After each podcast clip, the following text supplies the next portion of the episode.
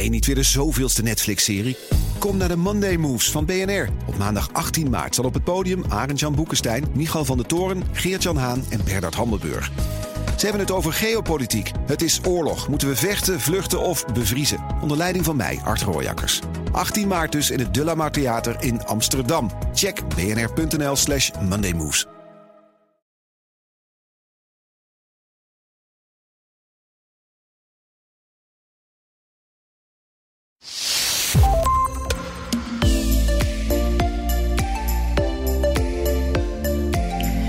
Bedrijven wordt steeds meer verwacht dat ze niet alleen winst maken, maar ook maatschappelijk verantwoord bezig zijn. Niet alleen milieubewegingen zoals Extinction Rebellion, Milieudefensie en Greenpeace, maar ook steeds meer burgers vragen verantwoord beleid.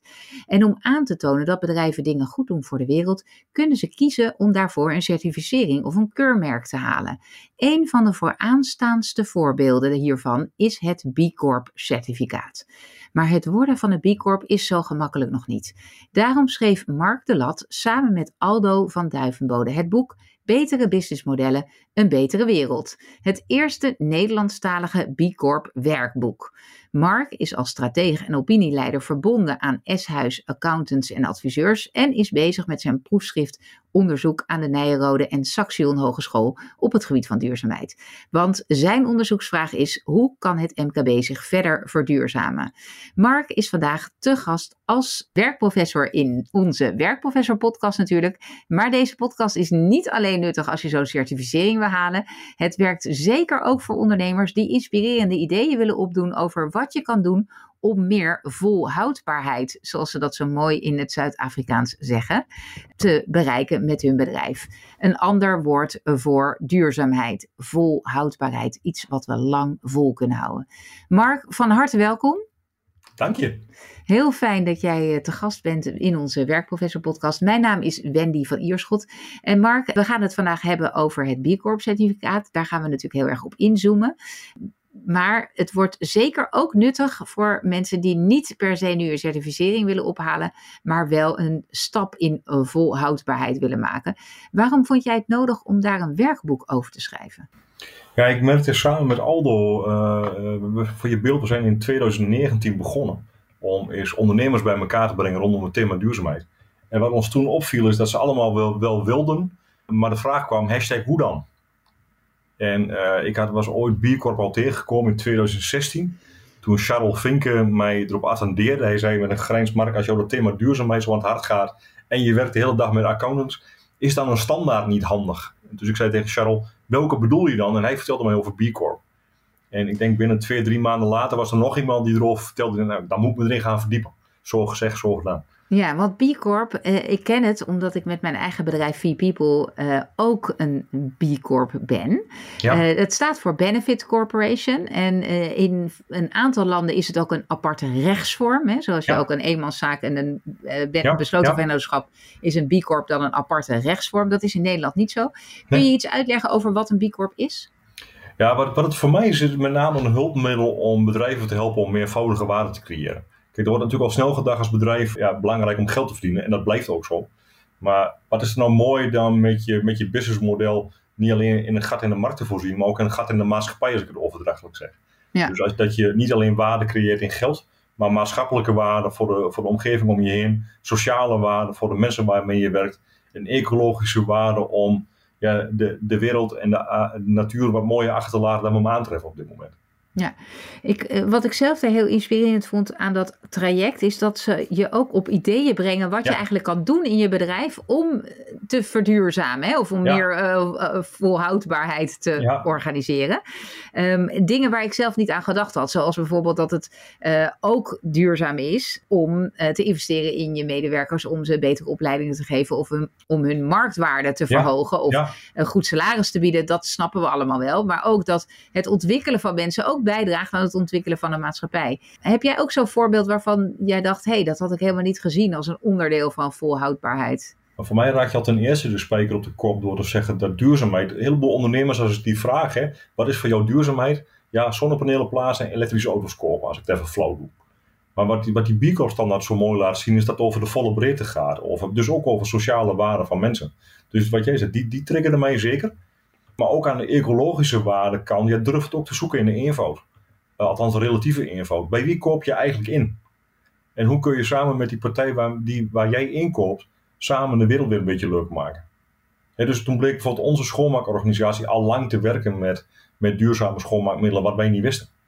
Of onze IT-leveranciers zeiden van, joh, maar als je bij ons de computers weer, weer inlevert nadat ze zeg maar, afgeschreven zijn, dan zorgen wij ervoor dat ze een goede bestemming krijgen, zodat kinderen die geen laptop kunnen betalen, uh, die via ons kunnen krijgen. Ja, dus vaak door alleen maar de bewustwording ervan kun je al betere dingen doen. Of, of keuzes maken in met welke ja. leveranciers je werkt. En het, uh, het uiten in je omgeving. Dus we hadden op dat moment bijvoorbeeld een afstudeerder aan de slag. Die heeft de klassieke inkoopanalyse gedaan om te beginnen. Hè? Dus wat is onze top 30 aan waar we het meeste geld aan uitgeven.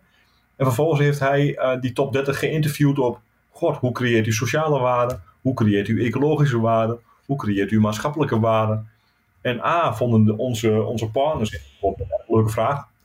En B, kwamen op, op, daarmee ook op ideeën uit om bijvoorbeeld ook voor een van de leergangen die we gedaan hebben rondom B Corp, die we al een tijdje doen, die hebben ook uh, een aantal van onze inkooppartijen aan deelgenomen om samen op zoek te gaan naar leuke ideeën. Ja, en als ik nou dat werkboek koop, is dat werkboek echt bedoeld om een certificering op te halen? En waarom wordt dat dan niet geschreven door de B Corp organisatie zelf? Ik, ik heb ze die vraag nog niet gesteld, moet je, moet je bekennen. Maar het was meer omdat, nou, wat ik net vertelde, Aldo en ik begonnen. Uh, en dat, daar, daar staat eigenlijk wel iets, iets geks bij. Want wij begonnen eind 2019. En in januari uh, 2020 hadden we de eerste B Corp bijeenkomst. Dus waarmee wij bedrijven, MKB-bedrijven hielpen om de eerste stappen te zetten op het gebied van duurzaamheid met behulp van die B Corp standaard. En we waren een tijdje onderweg en zal je niet verbazen, in die tijd brak corona uit. Toen zijn we digitaal verder gegaan, maar ik had ook mijn tijd over en alle ook. Die, en toen zeiden we, nou, wat ons opviel is dat juist die MKB-ondernemers zoiets hadden. Mooi die standaard, maar wel erg Engelstalig en ook nog af en toe een beetje Anglo-Saxisch. Kan dit wat duidelijker? Kan het ook in Nederlands, was de vraag. Ja, en er zitten ook vragen in dat B Corp Assessment die heel Amerikaans zijn. Hè? Dus ja, ja. die voor ons helemaal niet gelden. Exact. Of, uh, en, en, dat wierp een drempel op, merkten wij voor die ondernemers. Dus omdat het toch uh, die, die periode van corona was, toen hebben we het gewoon besloten genomen van weet je wat we doen joh, we maken er gewoon een boek van. Dus we zijn eigenlijk in de spontaniteit, de kennisoverdracht die we tijdens de leerwerk-doe-sessies deden, met die ondernemers waar we mee begonnen, we hebben uiteindelijk in dat werkboek vastgelegd. Ja, en nu, nu ben jij, jij hebt een accountant-achtergrond. Concentreren jullie je in het werkboek dan ook meer op de financiële aspecten of is het echt het hele volle Nee, juist niet. Ik, ik ben bij, bij, bij een van de weinige niet-accountants. Ik ben uh, organisatieadviseur van huishoud, maar ik werk nu ruim 20 jaar samen met accountants.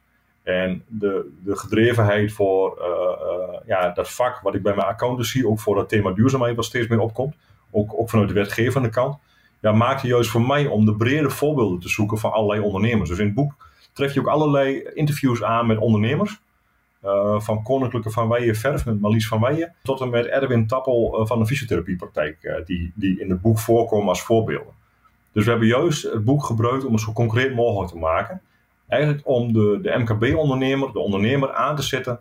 Pak het boek als je s'avonds je, je bakje koffie zit te drinken. lees het door, laat het je op ideeën brengen en ga vooral aan het werk. We praten al genoeg over duurzaamheid, maar we moeten stoppen met praten, we moeten aan het werk gaan. Ja, en kan je een voorbeeld geven van wat iemand zou kunnen doen meteen morgen, wat de eerste stap is naar zo'n certificering, maar ook al zou je dat niet doen, dat het een belangrijk iets is? Nou, wat mij opvalt, zeker uh, eh, MKB is ook veel familiebedrijven. Vaak als ik met ondernemers in, in die wereld praat, hebben ze al heel veel mooie voorbeelden. Dat ze mensen aan het werk houden, bijvoorbeeld met een afstand tot de arbeidsmarkt. Dat ze uh, uh, samen met in de keten optrekken, bijvoorbeeld een bouwbedrijf, samen met een onderaannemer, om eens na te denken over hoe kunnen wij verduurzamen. Kunnen we andere materialen gaan gebruiken? Mij valt op dat al heel veel gebeurt, maar dat het niet altijd bewust uh, plaatsvindt en, en, men het niet uit. En mij is juist opgevallen als je het verhaal vertelt dat je wilt verduurzamen, of, of liever dat woord volhoudbaarheid, dat je volhoudbaarder wilt worden en je draagt het uit, dan komen de mensen op je af om, om, om daar samen in op te trekken. Dat, dat vind ik ook de kracht van, van B Corp. Nog niet zozeer dat certificaat, maar veel meer een community van bedrijven die, die op zoek is naar hoe kunnen we nou elke dag een beetje beter doen. Ja, precies. En, en het is natuurlijk uh, gericht heel erg op de toekomst. Hè? Dus dat, ja. we, dat je op die manier kun je blijven werken. Dus eigenlijk als ja. je nu de overstap maakt, we weten allemaal, we moeten daar naartoe. Het gaat een keer gebeuren. Ja. En, en je kunt ook zeggen, nou ik zet die stap nu alvast Wat niet per se hoeft te betekenen dat je een certificering moet halen, maar je kunt wel alles doen wat alvast in de goede richting is.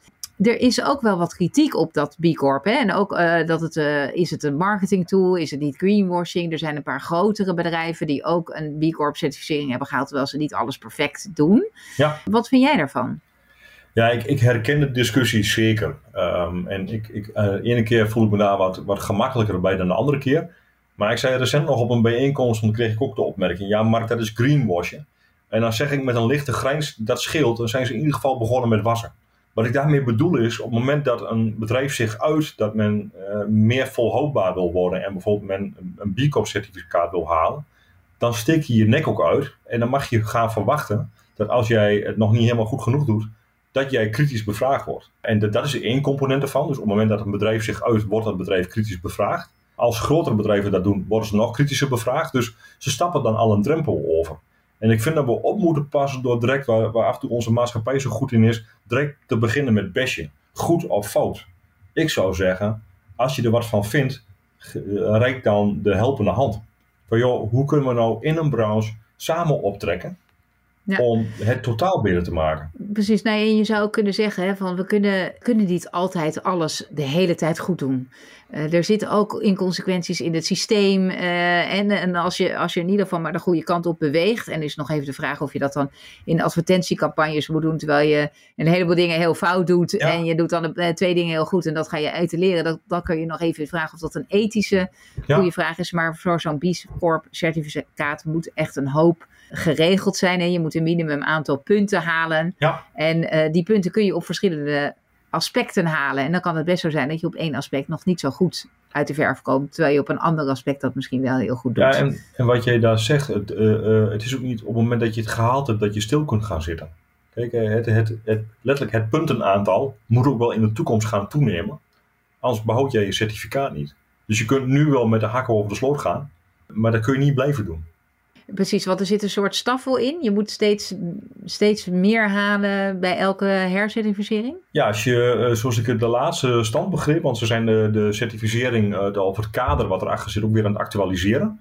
Is, kun je niet bijvoorbeeld, hè, de, de eerste instap om voor certificering in aanmerking te komen, is dat je minimaal 80 punten haalt. Maar stel je haalt de eerste keer 85 en je zou de tweede keer na drie jaar hercertificering teruggaan in punten. Ja, dan loop je dus het risico dat je je certificaat verliest. Ja. Dus het daag je los even, want ik, ik klinkt misschien gek, maar ik vind certificaat helemaal niet belangrijk. Ik, ik vind het veel belangrijker dat een bedrijf zichzelf uitdaagt om het elke keer weer een beetje beter te doen. Uh, ik zou bijna hopen dat we over een aantal jaren kunnen zeggen, laten we dat certificaat wegdoen. Maar we zijn allemaal zover dat we het gewoon doen zonder dat we een certificaat voor nodig hebben. Precies. Um, we hebben het al eerder gehad over een beetje laag hangend fruit. Uh, kan je me meenemen in een structuur aan onderwerpen in die certificering, maar ook wat we zouden kunnen bedenken, wat mensen morgen kunnen doen, wat een goede stap is in de goede richting. Ik heb de eentje die ik de deelnemers in, de, in het leerwerk doetraject altijd meer laat starten. Schrijf je missie en visie eens op. En tel jezelf of aan elkaar is de vraag: hoe creëer jij dan vanuit die missie en visie maatschappelijke waarden, sociale waarden, ecologische waarden en uh, economische waarden? Precies, maar dat lijkt me dus moeilijk. Hè? Want als je dan zegt, ja, uh, ecologische waarden of maatschappelijke waarden, wat is dat? Ja, dat lijkt in eerste instantie zeker moeilijk. Maar mij valt op het moment dat mensen daar met elkaar over in gesprek gaan, komende voorbeelden. En dan vertelt bijvoorbeeld, dat vind ik altijd nog mooi, het voorbeeld van Erwin Tappel, de fysiotherapeut, toen hij die vraag kreeg. Toen zei hij van, ja, eigenlijk wil ik invloed nemen op de gezondheid van de wijk waarin ik zit. En zorg vanuit daar samenwerking met de huisartsenpraktijk. Precies, en dat zou je een maatschappelijke waarde kunnen noemen. Dat zou je prima maatschappelijke waarde kunnen doen. Of waar het ons zelf toe inspireerde, is dat we zeiden van, goh, wat we gaan doen, we gaan de S-Huis Foundation opzetten. Dus uh, in, die, in die foundation, daar uh, stoppen we jaarlijks geld in. En dat zijn initiatieven die aansluiten bij de duurzame ontwikkelingsdoelen van de VN. Gericht op jongeren van het primair onderwijs. En jongeren die een steuntje in de rug nodig hebben. Dus op die manier hebben we voor, voor onze organisatie duurzaamheid concreet gemaakt. Of waar we net al op kwamen, uh, een analyse maken van je inkooppartijen. En hoe kan ik samen met hun optrekken om te verduurzamen, CQ, mijn inkooppartijen vragen om duurzamer te worden. Ja, dat, dat, hebben wij ook gedaan. We hebben een soort uh, overeenkomst gemaakt die dan de leveranciers moeten tekenen ook. Waarin we dan hun vragen om ook bepaalde stappen daarin te zetten. Ja. En alleen dat al maakt ook de, het team bewust van dat we daarop willen letten. Ja, helemaal eens. Ja, en, en wat jij net ook al zei, ook aan de, aan de menskant kwam bijvoorbeeld als spin-off van ons B Corp traject eruit dat we veel meer ook over zijn gaan nadenken. Hoe kijken we naar positieve gezondheid? Hoe zorgen we ervoor dat mensen fit blijven voor de job? Precies, dus, dus ook dat de, dat de algemene welzijn van de medewerkers een onderdeel is van iets wat je belangrijk vindt om met het bedrijf te beïnvloeden. Ja, zeker in de tak van sport waar zakelijke dienstverlening is, zijn het de mensen die je bedrijf maken. En dan, dan gaat het ook om de, de, de fitheid, mentale fitheid van de mensen waarmee je werkt. En hebben jullie toen een sportschoolabonnementspromotie uh, gedaan? Of wat hebben nee, jullie gedaan? Wij, wij hadden al een tijdje uh, SO's uh, actief. Dus waarmee we elkaar en onze klanten stimuleerden om bijvoorbeeld samen te gaan fietsen, hardlopen, dat, dat type initiatieven. En eigenlijk wat daar wat mooier van was, hebben die lijn hebben we eigenlijk doorgetrokken. Hoe kunnen we voortbouwen op het goede wat er al is? Dus dat merk ik niet alleen bij onszelf, maar dat vind ik ook wel inspirerend weer van het, het hulpmiddel B Corp dat het niet zozeer is van dit is allemaal niet goed. Nee, wat heb je al? En hoe bouw je daarop verder? Ja, en hoe dus, kan je dat uitbreiden? Want je kunt ook met elkaar kilometers lopen en daarmee geld ophalen of uh, whatever. Hè? En, ja. Uh, of dat we vorig jaar met, met de collega's uh, naar uh, Alpe zijn geweest. Dat bouwde voort op SOS Actief wat we al hadden. Ja, en dan mensen worden daardoor geïnspireerd en die gaan dan denken, hé, hey, we doen dit, maar kunnen we niet dan ook dat doen? Ja, of een van de collega's die dus met het idee kwam toen we de S-House Foundation begonnen, die zei, god, twee vrienden van mij, die zijn docent in het lager onderwijs, in, uh, primair onderwijs. Goh, zou jullie daar een bijdrage aan uh, willen leveren vanuit de foundation? En het mooie is dat dan een jonge collega met het idee komt. En we dat idee kunnen omarmen en we nu voor het derde jaar op lei de zomerschool in Hengelo gaan, uh, bijdrage gaan leveren. Waarin we begonnen met uh, zo'n 60, 70 kinderen. En we nu 100 kinderen de mogelijkheid kunnen bieden om s ochtends extra taal en rekening te krijgen. En smiddags leuke dingen te doen. En dat is eigenlijk een, mooi voorbeeld ook, omdat het ook uh, de betrokkenheid van medewerkers zal verhogen. Omdat je iets ja. doet in je lokale gemeenschap, mensen ook ja. invloed krijgen daarin. En zo telt, vind ik ook vaak zo'n volhoudbaarheidsconcept. Ja. Dat is ook weer een woord waar ik aan moet wennen, maar ik vind het een mooi woord. Dat dat ook op zoveel andere delen effect heeft. Hè? Dus op de purpose van het bedrijf, maar ook op de betrokkenheid van medewerkers. Wat weer effect heeft op de, uh, vaak ook op de klanttevredenheid. Als, hè, als je medewerkers betrokken zijn bij je bedrijf, dan is dat, heeft dat direct effect op de klanttevredenheid, weten we uit onderzoek. Ja. Um, zijn er nog meer van dat soort positieve effecten die eigenlijk niks met duurzaamheid te maken hebben, maar die wel iets doen met het bedrijf? Ja, of je zegt het zo mooi, niks met duurzaamheid te maken hebben en tegelijkertijd dus alles met duurzaamheid te maken hebben. En uh, dat vind ik het mooie ervan, is op het moment dat je uitzoomt, dus wat je eigenlijk doet, wat het B Corp certificaat althans ons en ook een aantal klanten heel goed mee geholpen heeft, is om uit te zoomen. Is boven het bedrijf te gaan hangen. Het is te kijken, wat doen we allemaal al? Hoe kunnen we daarop verder bouwen? Bijvoorbeeld ook, uh, nou in ons geval betekende dat ook dat wij een, uh, een uh, aparte service line impact ondernemers zijn begonnen. Omdat we geprikkeld werden van, god, hoe kunnen wij dan nu bijdragen vanuit de talenten die bij ons in huis zijn voor klanten om tot betere businessmodellen te komen. Dus dat kwam er bij ons achterweg. Nou, wat ik net zei, het voorbeeld van de, de fysiotherapiepraktijk de Driesprong. Breder gaan kijken dan de, de behandeltafel, hè, om het maar even zo te zeggen.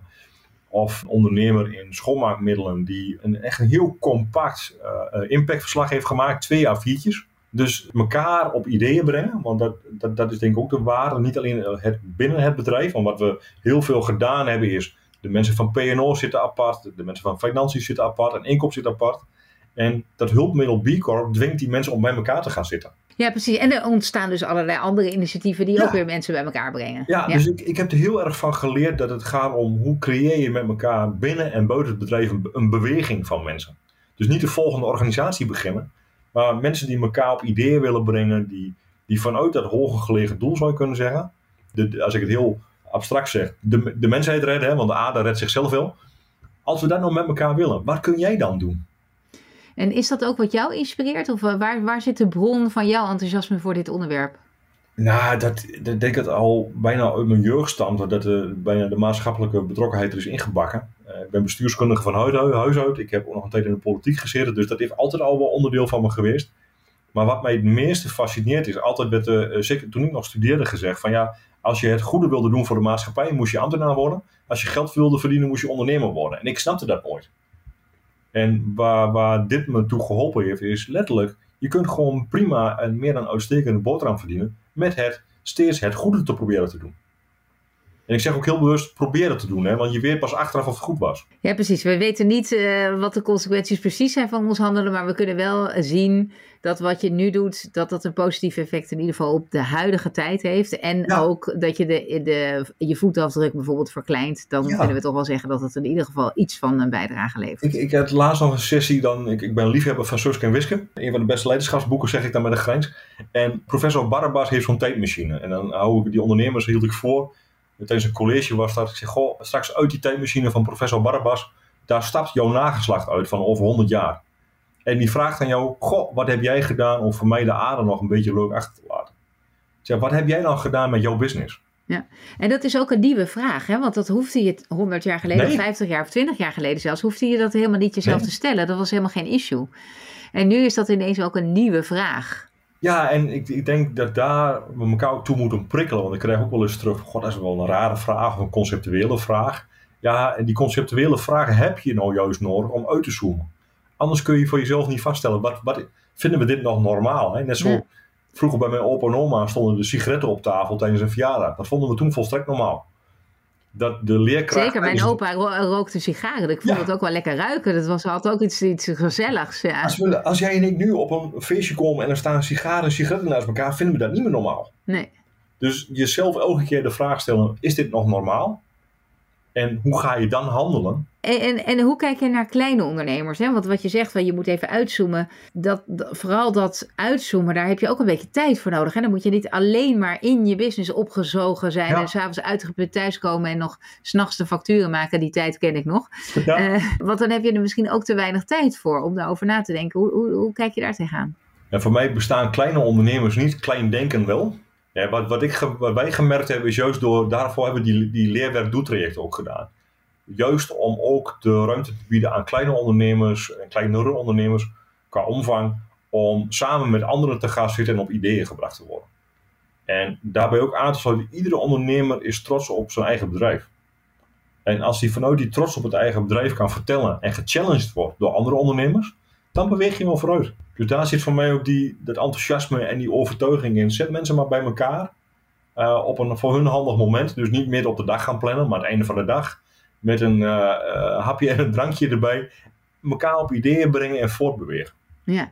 ja, dat is wel een, een, goede suggestie dat je in ieder geval met elkaar, hè, dat je het met een groepje moet doen. Wij hebben dat ook gedaan toen wij, ik heb dat al via de Entrepreneurs Organization gedaan. Ja. Dat is dan een club voor ondernemers.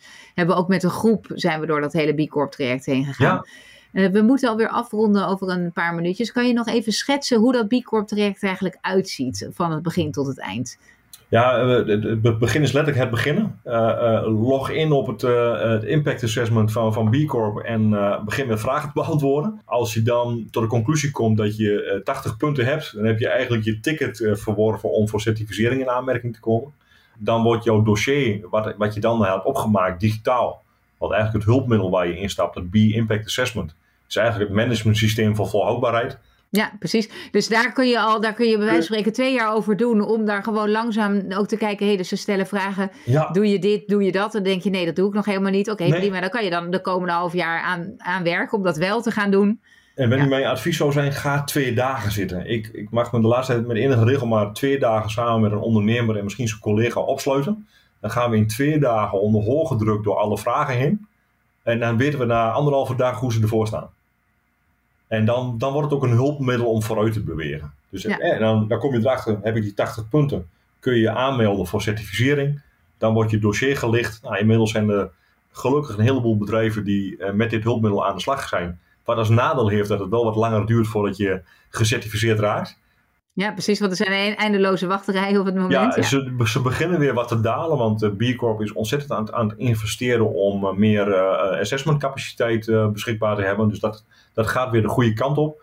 Maar voor mij merk ik bij die ondernemers die dit vanuit het hart kiezen, zeggen we, joh, ik geloof erin dat ik kan bijdragen met mijn businessmodel aan die betere wereld. Ja, dan gaat het niet meer om een certificaat. En een certificaat is een mooie toeslagroom op al een prima uh, stuk gebak wat je voor je hebt staan. Ja. En zit dus veel meer daar de kern in. Van ik heb een hulpmiddel waarmee ik zelf vooruit kan bewegen. En dan is het certificaat is in feite dat je de credits krijgt dat je het blijkbaar goed gedaan hebt. Ja, nou en ik vind het ook wel, voor mij helpt het ook intern. Ja. Dat we zeggen, hey, dit vinden we echt belangrijk. En omdat je een hoop dingen die je, die je moet doen, tussen aanhalingstekens, om die certificering te krijgen, ook gaat over het zeker weten dat het ook op die manier gaat in jouw bedrijf.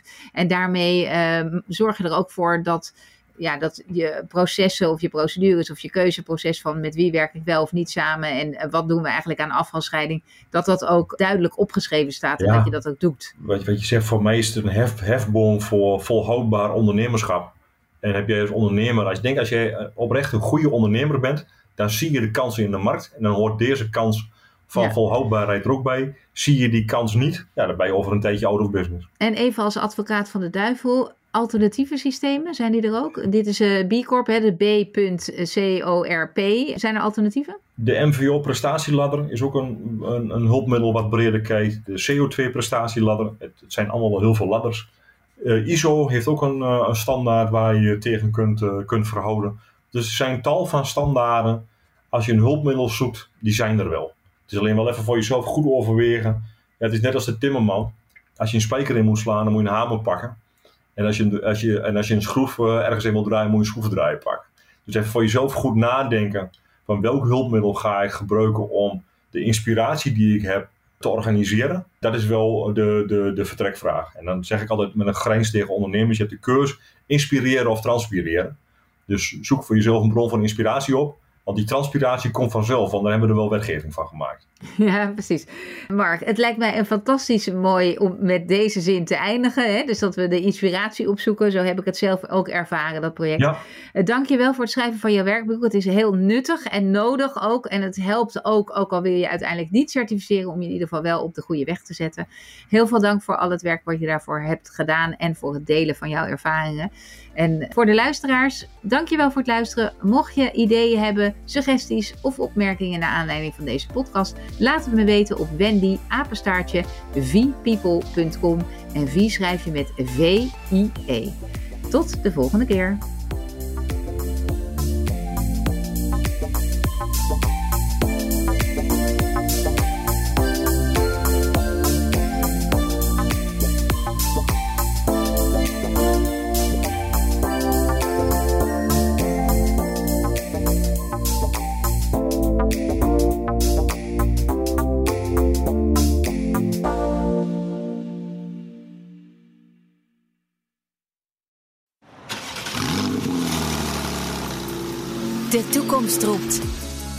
CO2.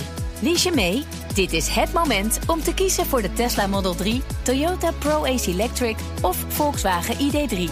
Uitstoot verminderen doe je samen met mobilityservice.nl.